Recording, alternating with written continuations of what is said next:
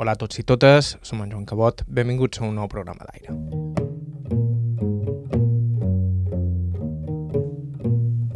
En els darrers anys, tota conversa sobre Sant Llorenç d'Escardassà a Mallorca ha estat marcada per la tràgica torrentada de 2018.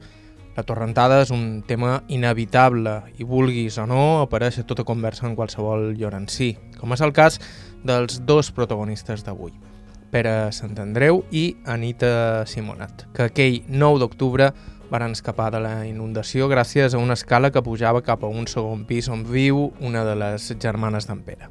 Ells varen dur sort, tot i que la cimentera familiar roman tancada des de llavors. La cimentera va ser l'herència d'en Pere, fill d'un home avançat al seu temps, industriós i amb molta inventiva, que va crear una constel·lació de negocis al voltant de la central elèctrica del poble, que era seva. Aferrat a la central hi havia un petit cinema, el cinema Ideal, que va ser el gran divertiment d'en Pere i Nanita la seva gran passió i un element importantíssim dins la vida cultural del poble i de la comarca.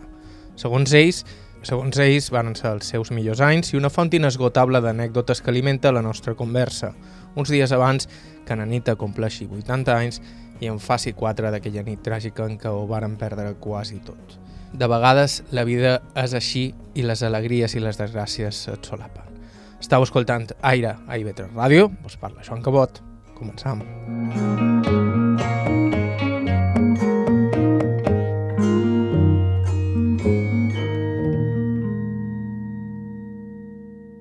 Començam conversant amb en Pere, que acaba de tornar de dur els seus nets a classe d'anglès. Aquí el tenim. Bueno, jo, jo som Pere Sant Andreu Ferrer i van néixer aquí, a Sant Llorenç, el 19 d'agost de 1938.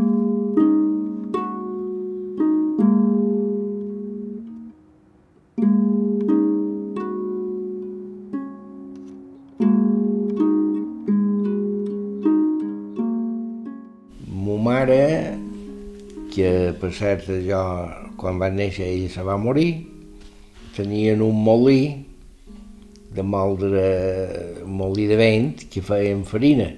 Justament la mala sort perquè en aquell temps, l'any 38, estem de la guerra, no hi havia ni medicina ni res, i va tenir un problema i no la varen poder salvar. I mon pare tenien la central elèctrica de Sant Llorenç que feien ciment i farina i coses d'aquestes.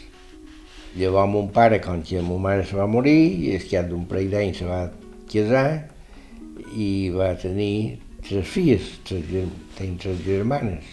Son pare era, com hem dit, un home amb empenta, algú que manejava diversos negocis i que ho va fer durant molts anys a força d'esforç i enginy.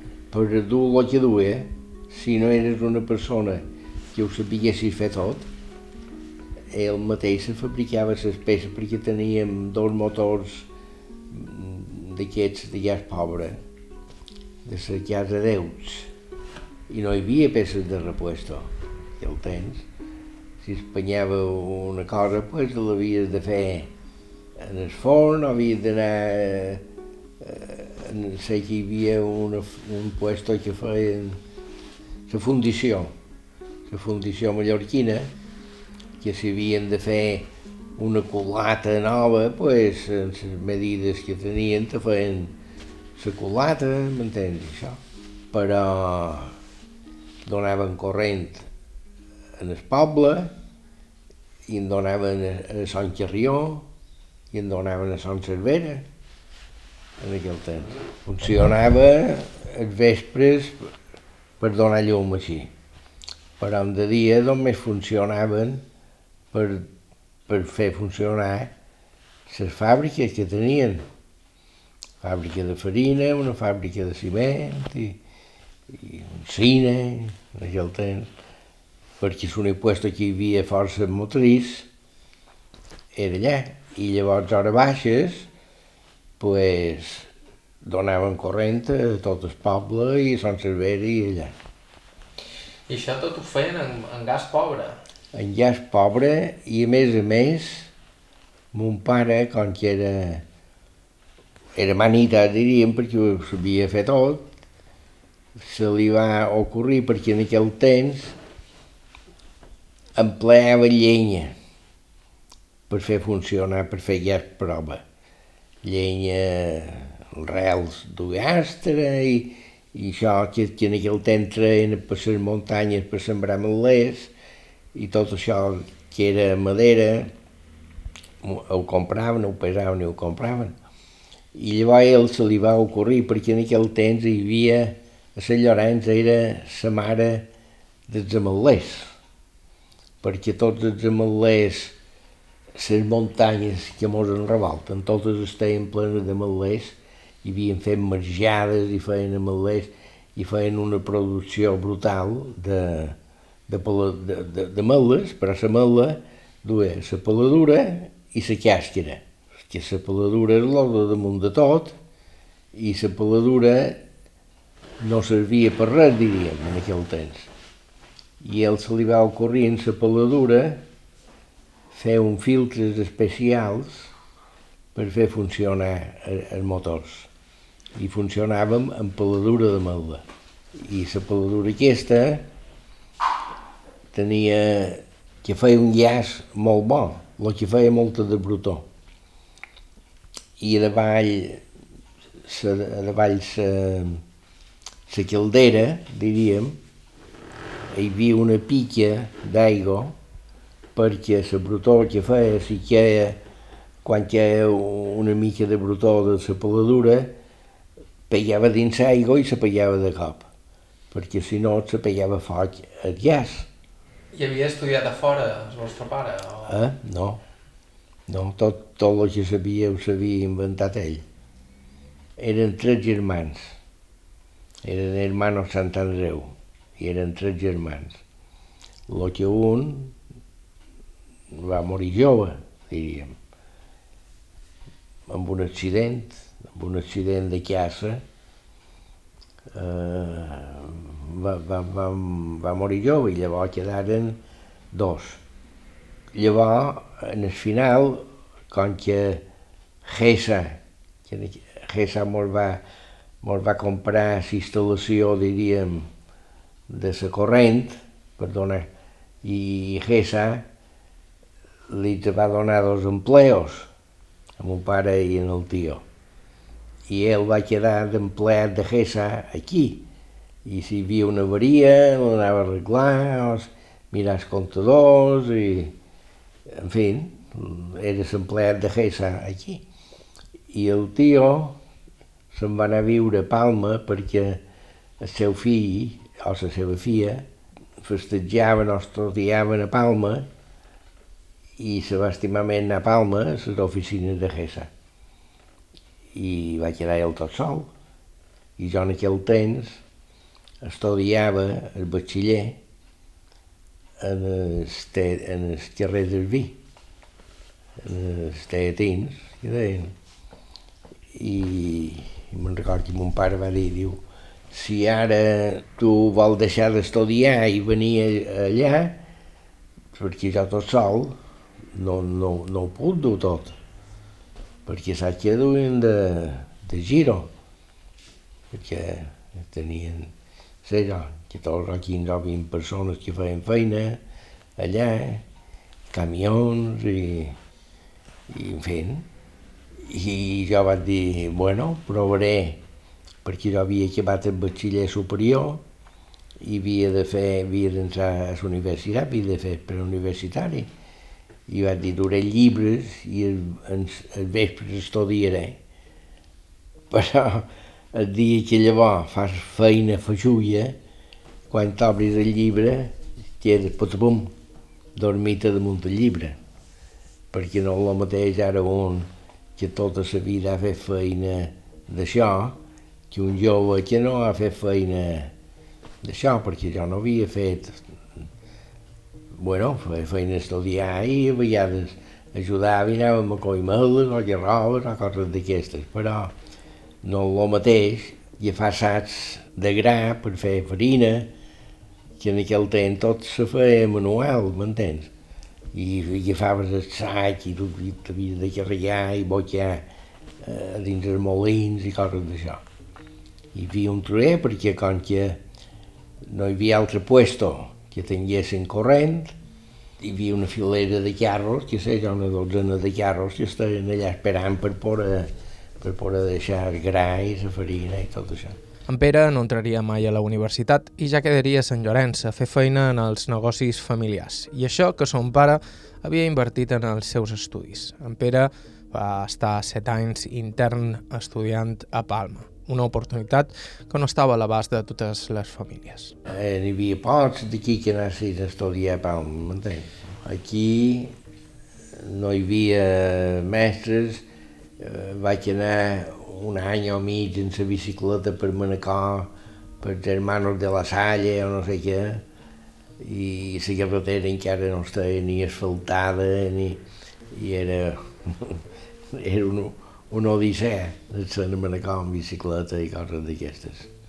I allà a Palma estava intern, jo, i estava tot el mes fins que a vegades o perquè hi havia una festa uh, això, els pares molts venien a cercar. Quasi tots eren de poble, tots els que estàvem intents eren de poble, m'entens? I tots, molts, molts fèiem. Lo que, clar, en aquell temps, tothom, si no era de Palma, volia ser o de Manacor o d'Inca.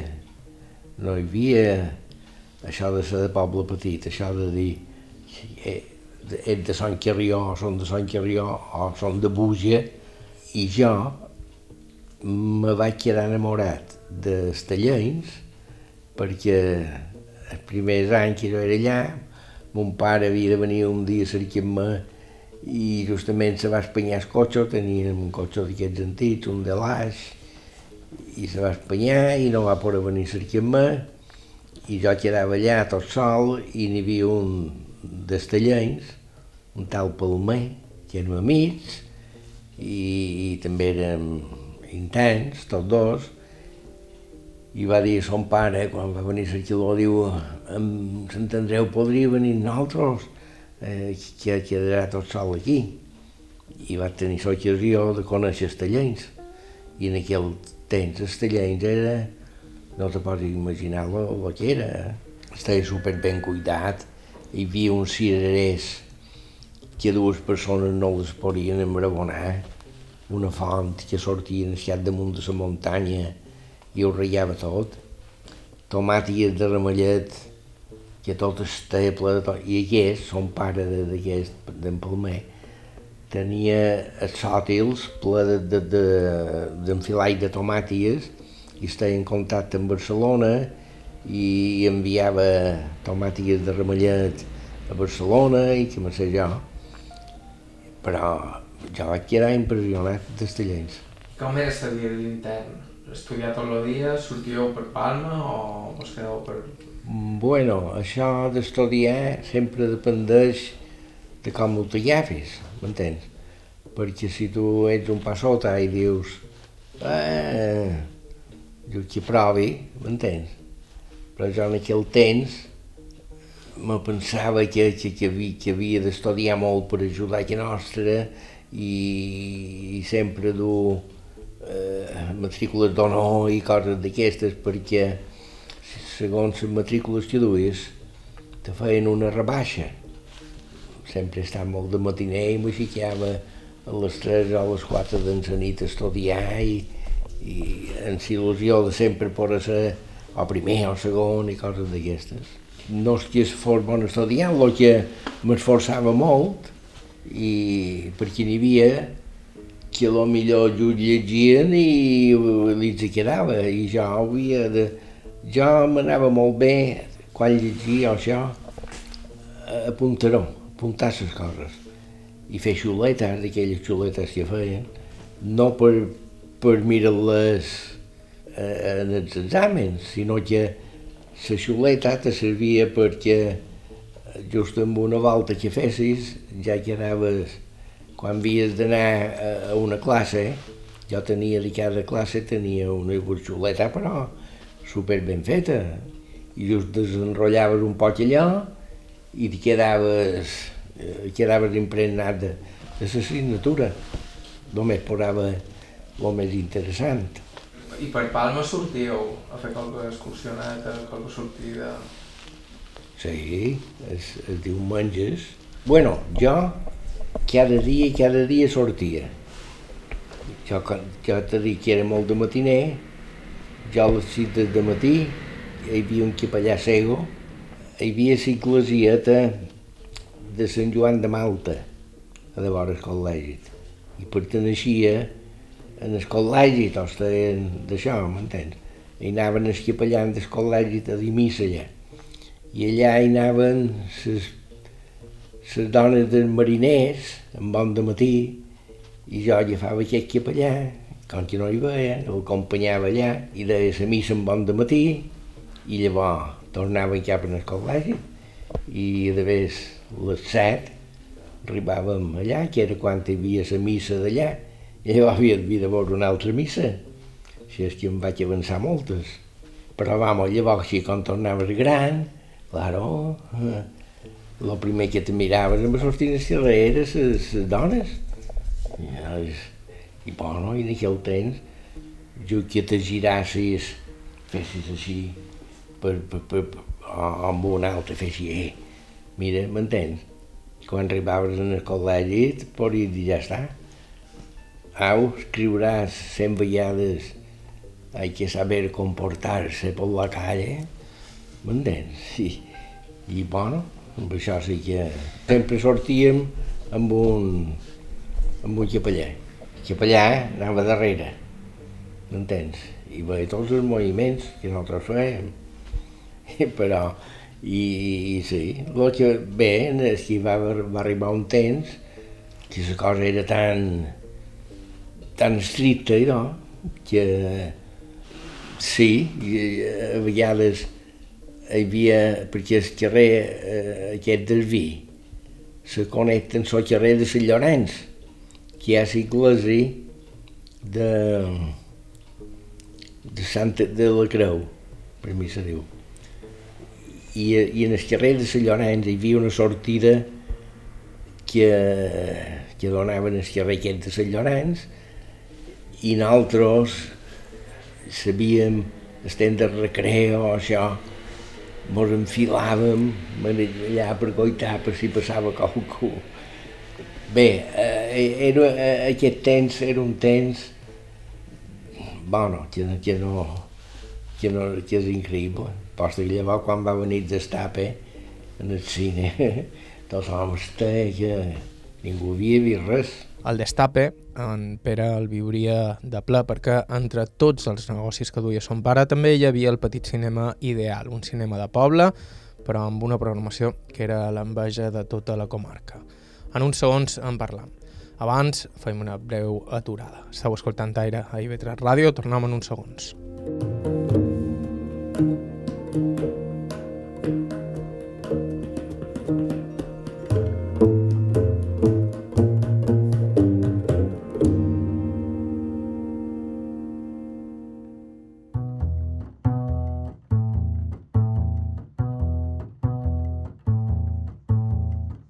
Hola de nou, som en Joan Cabot i això és Aire. Avui som a Sant Llorenç escoltant la història de Pere Sant Andreu, nascut el 1938 i fill d'un emprenedor d'aquells temps que va aconseguir manejar a la vegada diversos negocis que, un cop retirat, es varen repartir entre en Pere i les seves germanastres. Hi havia el cine, la farinera, la cimentera, la serradora, perquè per, per fer llenya, per serrar llenya també per, per fusters i per fer bocin de llenya per cremar el motor, ara el que va aconseguir mon pare amb això de la peladura va ser una cosa fantàstica perquè la peladura feia molta de senra i aquesta senra la duíem a Palma a una fàbrica de fer sabó, sabó fluix, un sabó negrós que feien primer, molt, molt, te deixava les mans molt suaves.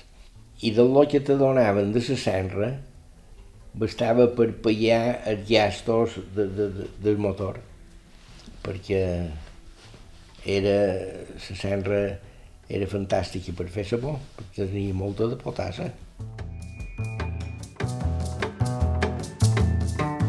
Aquest any que jo havia d'anar a la universitat ja va venir en els llibres per, per, per, per, per això anar. I, i res, però no m'ho ha anat bé perquè a lo millor si hagués fet una altra classe de feina, sí, però feina d'aquesta tan feixulla, era molt feixulla aquesta feina d'això. A la farinera va començar i llavors va passar a la cimentera.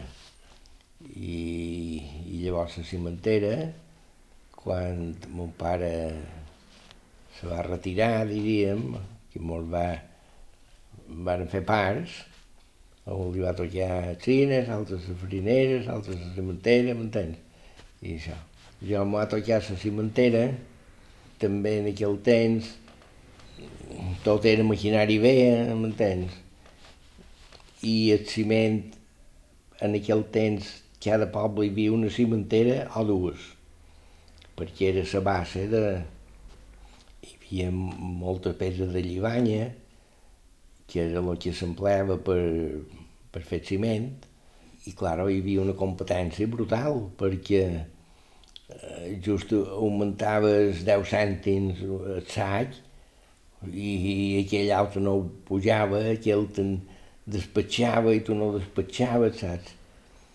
I llavors ja se me va ocorrir fer la terra batuda de les pistes de tenis en la mateixa maquinari anava a Portol a cercar aquell test vermell tan guapo que tenen a Portol i ho passava per la maquinari de, de ciment, per l'estructuradora i per molí i feia la terra batuda i em duia per tot Mallorca. En Nadal, per cert, eh, en el seu tio, el tio Toni, jo en Nadal era així de petit que començava a córrer per allà i, i jo li duia la terra per fer pistes.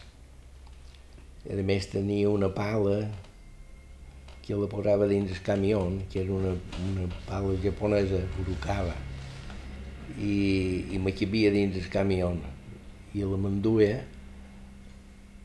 perquè la ratjada, a fer pistes també, perquè aquesta pala era una cosa molt, molt, molt bona, molt bona encara la tenc, encara funciona. Tenia que per esquimpar, com que era articulada, anava, anava molt bé per esquimpar la terra, terra i fer aplanar i coses d'aquestes. Anava molt bé. I també la feia servir per, per carregar fons, per caure la pedra, perquè en aquell temps no n'hi havia de pales articulades i el forn, com que era redó, i, i claro, te podies atracar ben arran del forn per tirar la pelada. Ciment s'empleava carbó de sineu. Jo anava a cercar el carbó de sineu. I a vegades n'hi mesclàvem un poc de lloseta, però de lloseta era massa ràpid. I el de sineu era més lento i la pedra si, es, si el foc era lento, se cremava més bé, en canvi el de lloseta passava molt aviat i no se covia tan bé. En fi, barbaritats. Perquè... I com se va acudir fer-lo de la terra, de les pistes de tennis? Se me va ocorrir perquè en una ocasió hi havia aquí de, entre Manacor i Sant Llorenç un puesto que trobaren una iglesieta paleocristiana, saps? I, i jo hi vaig anar a fer feina en la pala. I, i el qui, el qui feia un tal puerto de per Manacor que feia que era l'encarregat i era el qui dirigia l'obra, me va dir, diu, això què devien, com ho devien fer en el ciment en aquell temps, per, per aguantar pedres planes que hi havia. I jo em vaig agafar un poc i el vaig esflorar i hi va posar aigua i va fer així I jo vaig dir, això són bocinet de test. Claro, en aquell temps s'empleava quals i, i, i el test també, posta se feia com una, una, una deixona vermella, el test el devien matxacar, el devien matxacar en qualque cosa, i va ser aquí que va dir això, per fer, perquè començaven aquí les pistes de tenis en aquell temps. Primer van ser uns alemans que, que, que es feren les primeres. Era una cosa que si tu, per exemple, el ciment el venies a 5 pessetes, això el venies a 6 i no te discutien res. I, i, i te costaves a mitat menys, perquè no empleaven ni carbó, perquè el carbó arribava a valer molt, per caure la pedra, i l'únic que havia de fer era que polar els tets per l'estructuradora i llavors per molí.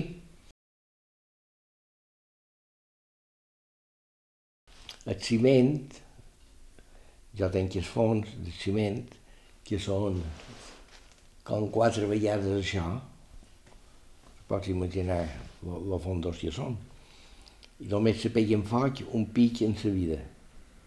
Llavors sempre has de conservar foc, perquè si haguessis de començar foc cada vegada que has de caure la pedra, te costaria una animalada. I, i se posa, per exemple, un pam de carbó i llavors damunt un pam o, o un poquet més de pedra. Llavors un altre pam de carbó i llavors pedra, i llavors carbó, i llavors pedra, però pedres que les feies tornar com el puny o com els dos punys. Entens? A ser pedres petites. I això, la pedra més bona era la pedra, la marga, que diuen, que és una pedra més flonja, més bona de caure, i això perquè per fer ciment la pedra ha d'estar ben cuita. Ve ser com si fessis guix, o que el guix en vez de posar marga empleen una pedra gravosa de grava i posta fan aquell... Primer hi havia, eh, a fora vila, tothom tenia font de calç i covien la pedra aquesta a llenya, molt de foc, i la calç era molt més bona que... perquè era una calç que la posaves un poc en remull i feia i allò desinfectava tota. I el ciment se fa així també, se fa... Eh, I en els costats, eh, a les voreres, hi posàvem argila, un pot d'argila, per aguantar que el foc no cremàs les voreres, perquè les voreres del forn eren de marès. I, i si el foc hagués pegat directe en el marès, s'havien menjat el marès, de 1.000 a 1.500 sacs. Fèiem. El que tenia una cosa, que en el començament no hi havia sacs de paper, eren sacs de roba, i el ciment en fèiem un carmull, quan sortia del molí hi havia un elevador i el tirava a l'aire i llavors feia un carmull allà i ho omplíem en la pala pelades a dins d'aquests sacs. I tenia una tara, el ciment, que quan li havien passat un mes o dos o tres, tornava dolent. Aposta. I en canvi, les pistes, la pista de, de, de, de tenis, la terra batuda, podria estar tots els anys que volguessis i, i era sempre igual. Que hi havia de diferència? Eh, sí, hi havia molta demanda, però hi havia molta competència. A tots els pobles, si no n'hi havia una, n'hi havia dues. El mateix es podria dir del cinema. Hi havia un temps en què a cada poble hi havia un cine o dos, com en el cas de Sant Llorenç, el primer, però era l'ideal, el que duia la família d'en Pere i del qual ell es va fer càrrec a partir dels 20 anys. Amb el temps es farien càrrec també de l'altre cinema de Sant Llorenç, el Rigal, i sobretot projectaven pel·lícules als caps de setmana, però també els dies laborals, regalant entrades a les dones perquè arrosseguessin el públic masculí, inventant altres reclams. Fèiem els dissabtes i diumenges i llavors, si hi havia una festa també, però llavors la setmana regalàvem entrades a les dones perquè venguessin gratis perquè si venien les dones, venien els homes per fer una pel·lícula entre setmana, el dimecres o dijous o això. I el cine aquest només teníem una màquina, perquè llavors feren un de més modern en el carrer Major, que ara hi ha l'espai 36, que diuen, i feren aquest cine enormement gran, m'entens? Però tingueren un problema molt gros, que va ser el sonido el sonido, pel·lícules com les d'en Cantinflas, per exemple, no en tenien res, només la veu escapava. I nosaltres, com que el cine era més petitet, i tenia el galiner, que deien, que només hi anaven els fumadors en el galiner. Tothom fumava com a carreters, a dalt, havia... Teníem un, un extractor així de gros, sortia ple cap a, de fora de... I quines pel·lícules se projectaven?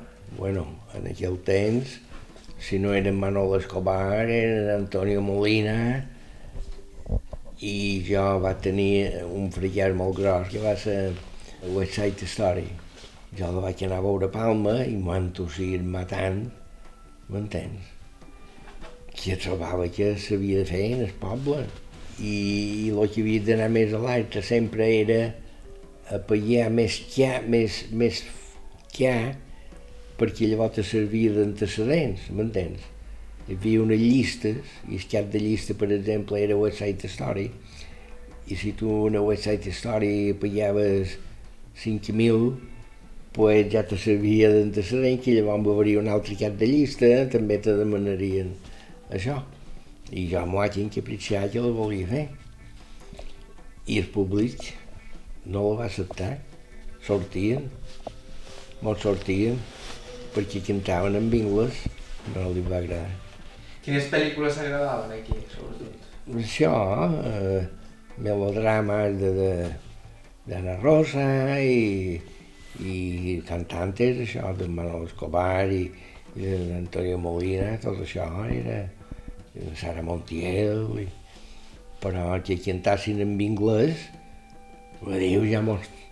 El drama, el drama que vivien els portoriqueños i que estaven allà a Nova York, eh, tampoc no ho van entendre. Quan regalàvem les dones que venien el dissabte i diumenge, li regalàvem una entrada per entre setmana i, i, i, i venien les dones i venien els seus homes a acompanyar les dones, els nòvios o coses d'aquestes. Llavors també, quan va sortir això del destape, només venien els homes entre setmana.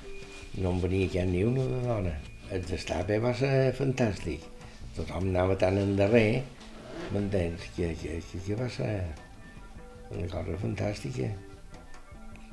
Jo que havia tingut ocasió d'anar a fer una volta amb uns 600, un dels primers 600 que sortiren. Vaig anar amb un altre a fer una volta per Itàlia i França i Suïssa i Alemanya, fèrem una volta per allà i de si anàvem a veure res era d'estapes, perquè estés... Com va ser això de la volta en 600 per, per Europa? No varen veure altre cotxe en tot el temps. En aquell temps no circulaven els cotxes. I, i amb aquest, nosaltres mateixos duíem soli per canviar quan havies fet 5.000 quilòmetres o 3.000, no sé quants eren, havies de canviar soli, anàvem dins un pinall i canviaven soli, i això perquè eren cotxes no estaven adequats encara. A pesar que els 600 per anar a Suïssa, per exemple, per puestos que hi havia neu, que tothom havia de posar cadenes, nosaltres sense cadenes pujaves per tot. Quan que duien el motor de darrere i ferraven de darrere i per tot.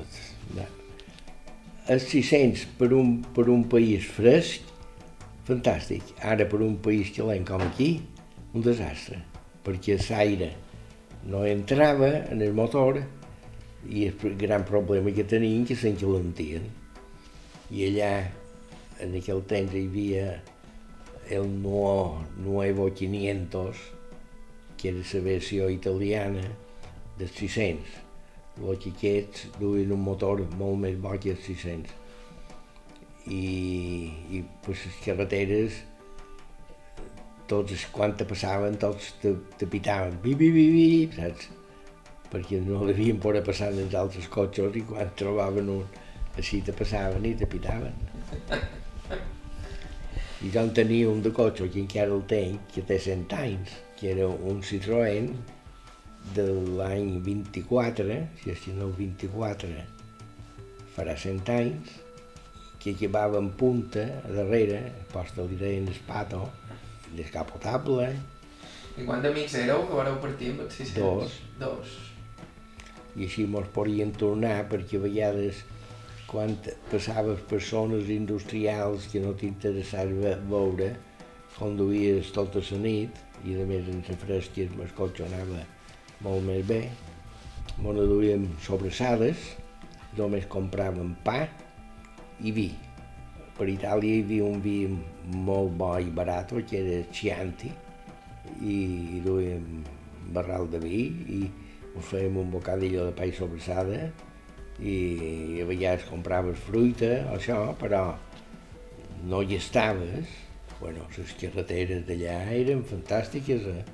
i ja hi havia autopistes, perquè les autopistes, quan que eren de pago, no hi anaven, però les carreteres normals, diríem, eren unes carreteres fantàstiques. I aquí teníem, sense asfaltar, i un desastre, un, un desastre aquí. Sí, perquè llavors tot el que contaves d'allà en aquí no ho creien, perquè aquí duem tant de retras que i tanta cosa tancada que, que, que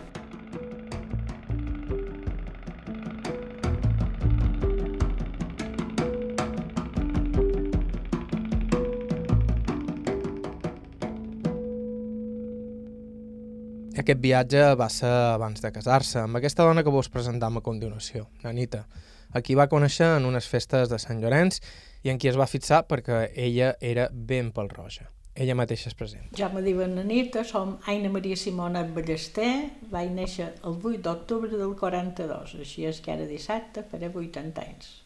Jo vaig néixer a Sant Cervera perquè ma mare era cerverina, però ja vivíem a Palma, ells, que en aquell temps te feien anar a néixer aquesta mare. Mon pare era de l'Aró. Mon pare era ferroviari, que en aquell temps eh, funcionaven molt bé els trens. Era revisor, sí, totes les línies, totes les línies, inclús Artà i a, Artà a la Pobla quedaven a dormir. Quedaven a dormir.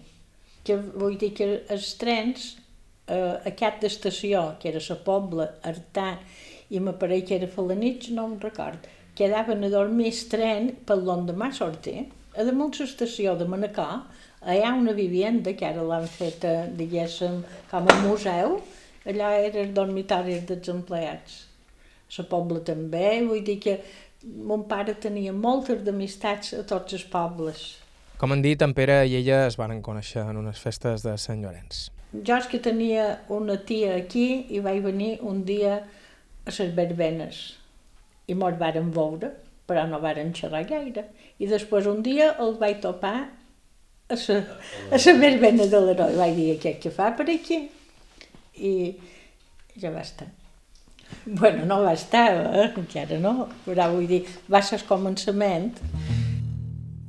I un cop casats, ella es va instal·lar amb en Pere al seu poble i va començar a involucrar-se en el negoci familiar, especialment en el cinema, que li permetia la possibilitat, a més, de no perdre el contacte amb Palma. Eh, ja va ser, diguéssim, de, venir, de viure a Palma a viure aquí, bé, ja vaig tenir lots vaig tenir tres i estàvem entretenguts.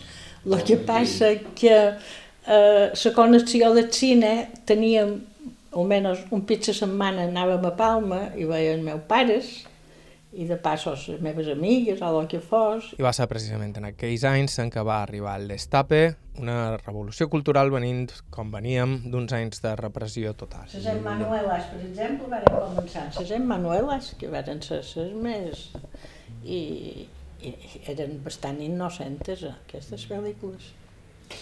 Però fa 50 anys. Només venien els homes i dones ni una, no en va venir cap mai.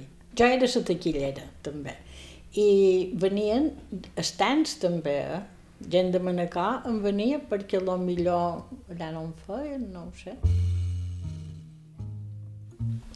Quan ja farem el cine gran, diríem, durant un any seguirem en sordors, però llavors varen va per dir no, mos convé tenir el gran i a més tenia dues màquines Westerns tot nou, un equip tot nou, que anava perfecte, les màquines anaven beníssimes, nosaltres teníem només una màquina, Superson, i per canviar de rotllo havies de tirar en terra pel·lícula, m'entens? I llavors eh, amb acetona eh, juntàvem i tornàvem a deixar i, i si passava bé, si no, també.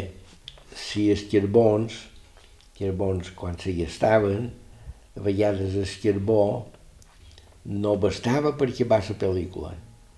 I havies de fer córrer eh, amb un destornillador un poc més d'això perquè va la pel·lícula. En fi, era, era fer cine. Allò era fer cine perquè... I llavors també els diumenges, eh, allà, quan duim allà dalt, quan que anàvem en combinació en Solertà mos enviaven les pel·lícules, cada diumenge feien tres pel·lícules i fèiem dos descansos. I ella feia Teníem bocadillos, duíem el bar, Teníem el bar de, de cine, cine. també hi un bar, i fèiem el com ves en sol bar que en sol cine, perquè... Perquè ella va, va, se va inventar un bocadillos. Sí, que va tenir molt d'èxit. Que va tenir molt d'èxit, que era... De trempó. De trempó, amb, amb atún.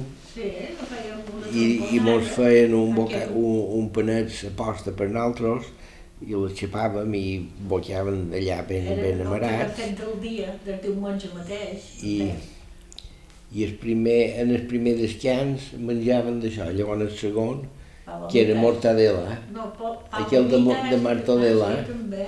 Sí. Vam fer... Mos ho vam passar bé, sap, perquè del cine, la veritat que sí, perquè també eren joves.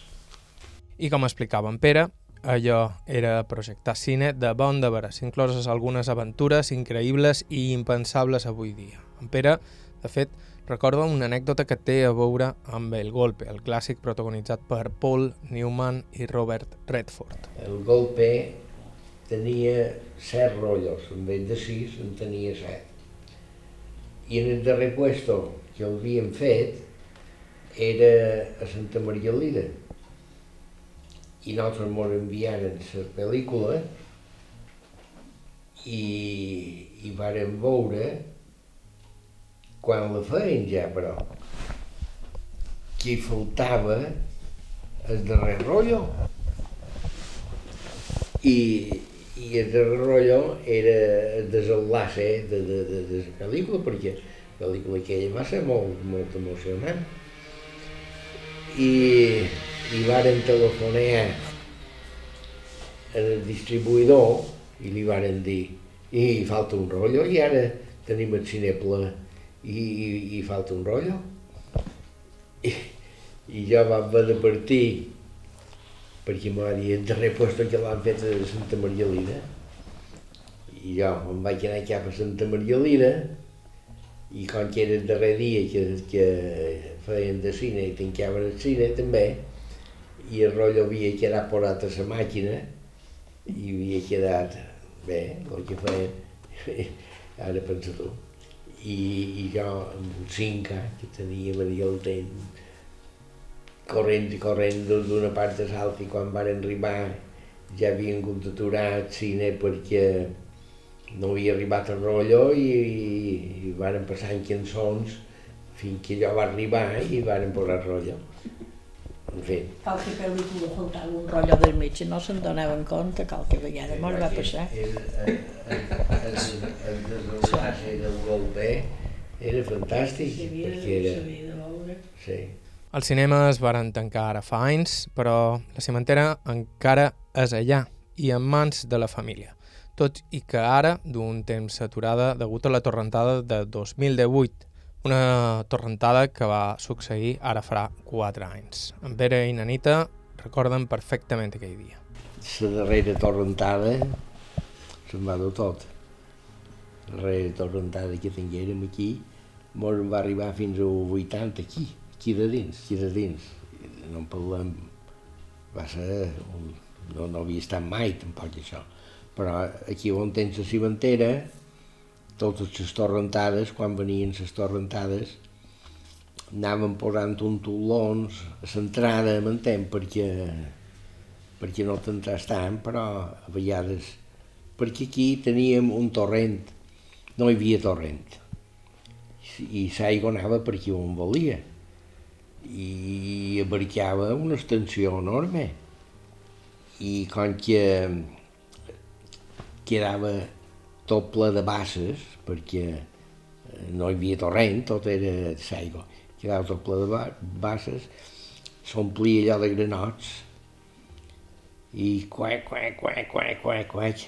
A nosaltres a Cerverí mos deien eh, granots, perquè quan passaven per aquí només sentien granots.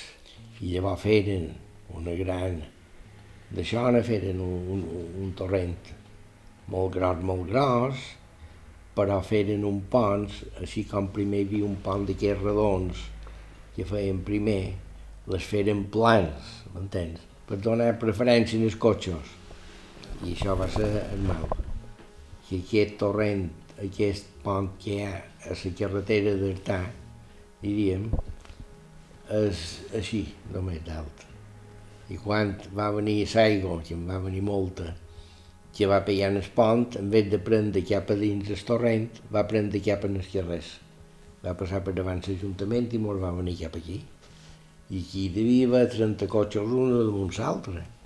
Érem aquí de dins i, i com que tenim una escala, que la germana està aquí dalt, i tenim una escala i vàrem prendre l'escala, per si no s'hi haguessin quedat aquí, és estat. I tot el món va, tot el món va espanyar. Perquè si ara t'entra un torrent entre un pam o dos, no passa res, te tornes a llevar i tot això. Però aquesta d'això, els mobles se converteixen com si fossin barcos. Se'n van per amunt i llavors tomben. I tot quan teníem a dins les estanteries, tot va quedar inservible. Tot. No van poder salvar res perquè hi havia un fang tan viscós i fa ser tant de temps. Per què? Llavors, saps què va durar de temps, això? L'aigua.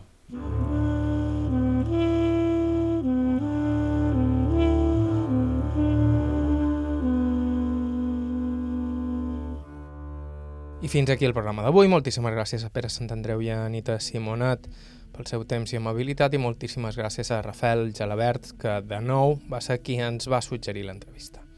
Sempre estem cercant testimonis, així que si teniu alguna proposta o suggeriment ens podeu escriure a aire.ivetresradio.com.